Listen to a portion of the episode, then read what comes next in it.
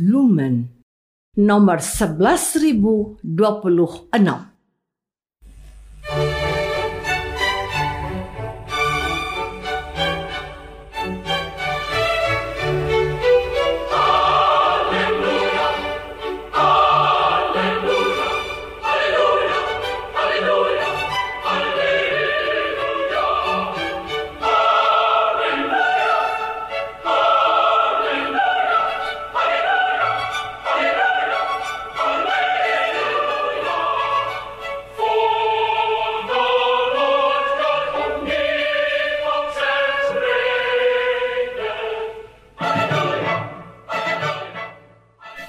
Saudara pendengar di segenap penjuru tanah air, selamat bergabung dengan Lumen Indonesia.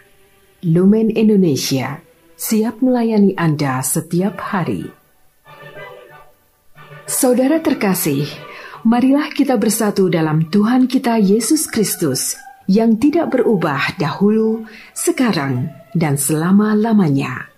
Allah Sang Maha Rahim mengasihi dan menerima sebagaimana adanya kita Allah Bapa kita di surga senantiasa bersedia menolong, menghibur, dan meneguhkan kita dalam menghadapi segala permasalahan hidup sehari-hari.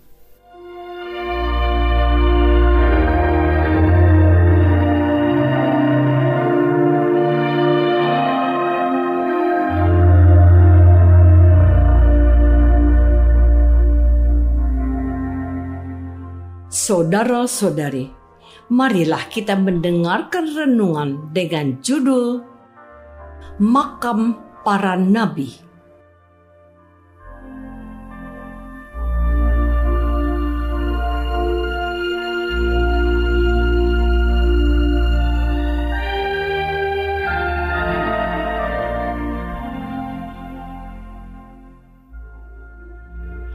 Yang berdasarkan pada Injil Lukas bab 11 ayat 47 dan 48. Yesus bersabda, Celakalah kalian, kalian membangun makam untuk nabi-nabi yang justru dibunuh oleh nenek moyangmu sendiri. Jadi kalian sendiri mengakui bahwa kalian menyetujui apa yang sudah dilakukan oleh nenek moyangmu.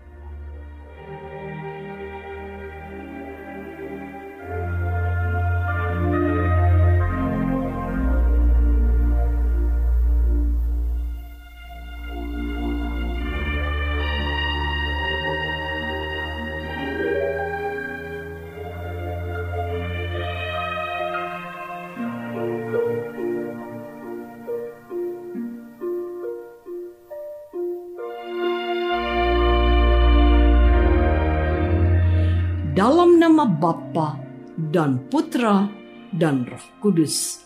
Amin. Saudara-saudari terkasih dalam nama Tuhan Yesus Kristus. Yesus bersabda kepada orang-orang Farisi dan ahli Taurat demikian. Celakalah kalian. Kalian membangun makam untuk nabi-nabi yang justru dibunuh oleh nenek moyangmu sendiri. Jadi kalian sendiri mengakui bahwa kalian menyetujui apa yang sudah dilakukan oleh nenek moyangmu. Sebab memang mereka yang membunuh nabi-nabi itu dan kalianlah yang membangun makamnya. Itu sebabnya kebijaksanaan Allah berkata, Aku akan mengirim kepada mereka nabi-nabi dan utusan-utusanku. Sebagian akan dibunuh dan sebagian akan dianiaya. Allah melakukan itu supaya orang-orang zaman ini dihukum karena pembunuhan yang dilakukan terhadap semua nabi sejak dunia diciptakan mulai dari pembunuhan Habel sampai pada pembunuhan Sakaria yang terjadi di antara Betsbah dan rumah Tuhan. Percayalah, orang-orang zaman ini pasti akan dihukum karena semuanya itu. Celakalah kalian, guru-guru agama. Kunci untuk membuka pintu pengetahuan disimpan pada kalian, tetapi kalian sendiri tidak mau masuk ke dalam untuk mencari pengetahuan itu. Sebaliknya, kalian menghalang-halangi orang-orang yang berusaha masuk ke dalamnya. Ketika Yesus meninggalkan tempat itu, guru-guru agama dan orang-orang Farisi mengecam Yesus dengan keras. Mereka mulai memancing-mancing dia supaya ia mau berbicara mengenai banyak hal. Dan sementara itu, mereka memperhatikan dia baik-baik untuk menangkap sesuatu yang salah yang diucapkannya. Saudara-saudari terkasih, salah satu cara menghormati, cara menghormati para leluhur adalah dengan membangun makamnya seindah dan semegah mungkin. Tidak ada lagi hal duniawi yang bisa persembahkan untuk orang tercinta yang sudah meninggal. Bahkan makam para raja dibangun sebesar mungkin dan masih bisa kita temui hingga waktu sekarang. Misalnya piramida dari zaman Mesir kuno. Jika demikian yang berlaku di banyak kebudayaan, mengapa Yesus mengkritik orang-orang Yahudi yang membangun makam para nabi? Saudara-saudari terkasih, Yesus tidak melihat hanya apa yang dilakukan orang, tetapi lebih memperhatikan motivasi orang melakukan sesuatu. Ketika orang Yahudi membangun makam para nabi, semestinya Yesus memujinya karena menghormati para nabi dengan membangun makamnya adalah yang tindakan yang baik. Yesus mengingatkan bahwa para nabi yang makamnya dibangun orang Yahudi itu dulu meninggal karena dibunuh leluhur orang Yahudi. Tindakan leluhur Yahudi itu sudah dilakukan sejak zaman Habel hingga zaman Sakharia yang dibunuh di antara mezbah dan rumah Allah. Imam Sakaria yang mengingatkan orang Yahudi untuk bertobat malah dilempari batu hingga meninggal. Bahkan separuh dari nabi-nabi dan rasul-rasul yang diutus Allah akan dibunuh orang Yahudi. Dengan membangun makam para nabi, orang Yahudi semasa dengan Yesus menyetujui tindakan leluhurnya yang membunuh para nabi. Tindakan yang seolah-olah baik ternyata mengandung latar belakang yang tidak baik. Saudara-saudari terkasih, Yesus bukan hanya mengecam tindakan orang Yahudi membangun makam para nabi. Yesus juga mengutuk guru-guru agama.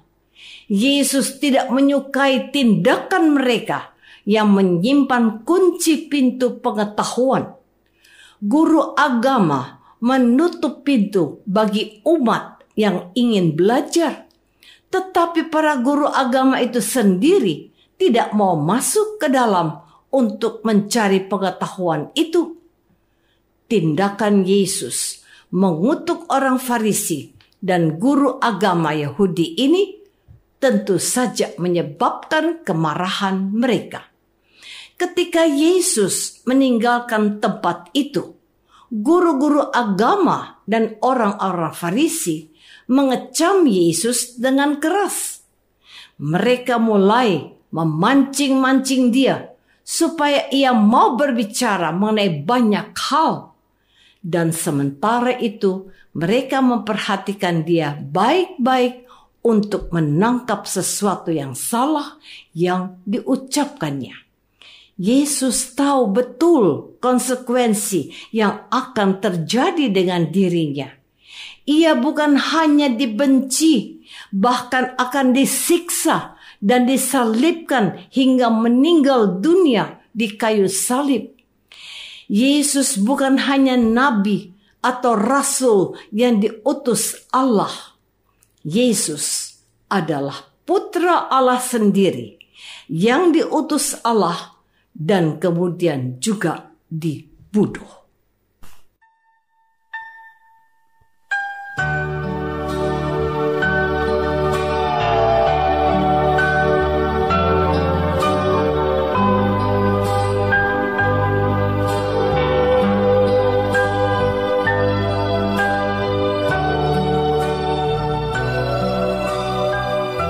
Saudara terkasih, marilah kita masuk dalam saat hening sejenak untuk meresapkan renungan yang baru saja kita dengar bersama dalam kehidupan iman kita masing-masing.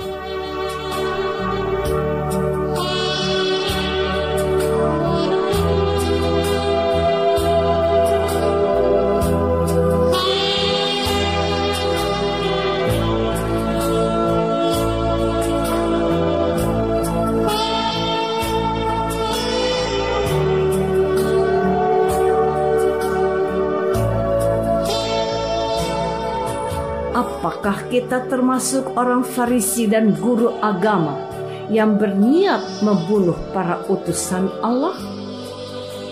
Apakah kita hendak menyingkirkan Yesus dari kehidupan kita?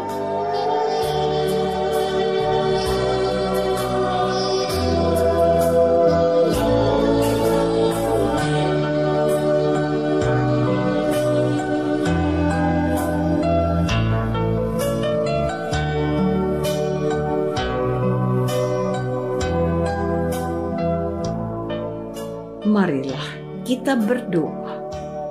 Ya Tuhan, kami bukanlah orang Farisi dan guru agama yang berniat membunuh Yesus atau leluhur mereka yang telah membunuh para nabi dan rasul-rasul. Kami sebenarnya juga melakukan hal sama ketika sama tinggalkan Yesus dan ajaran gereja Katolik dalam hidup sehari-hari berilah kami kesempatan untuk kembali kepada Yesus dan gereja Katolik. Engkaulah Tuhan kami, kini dan sepanjang masa. Amin. Semoga kita semua selalu dinaungi dan dibimbing oleh berkat Allah yang Maha Kuasa, Bapa dan Putra dan Roh Kudus. Amin.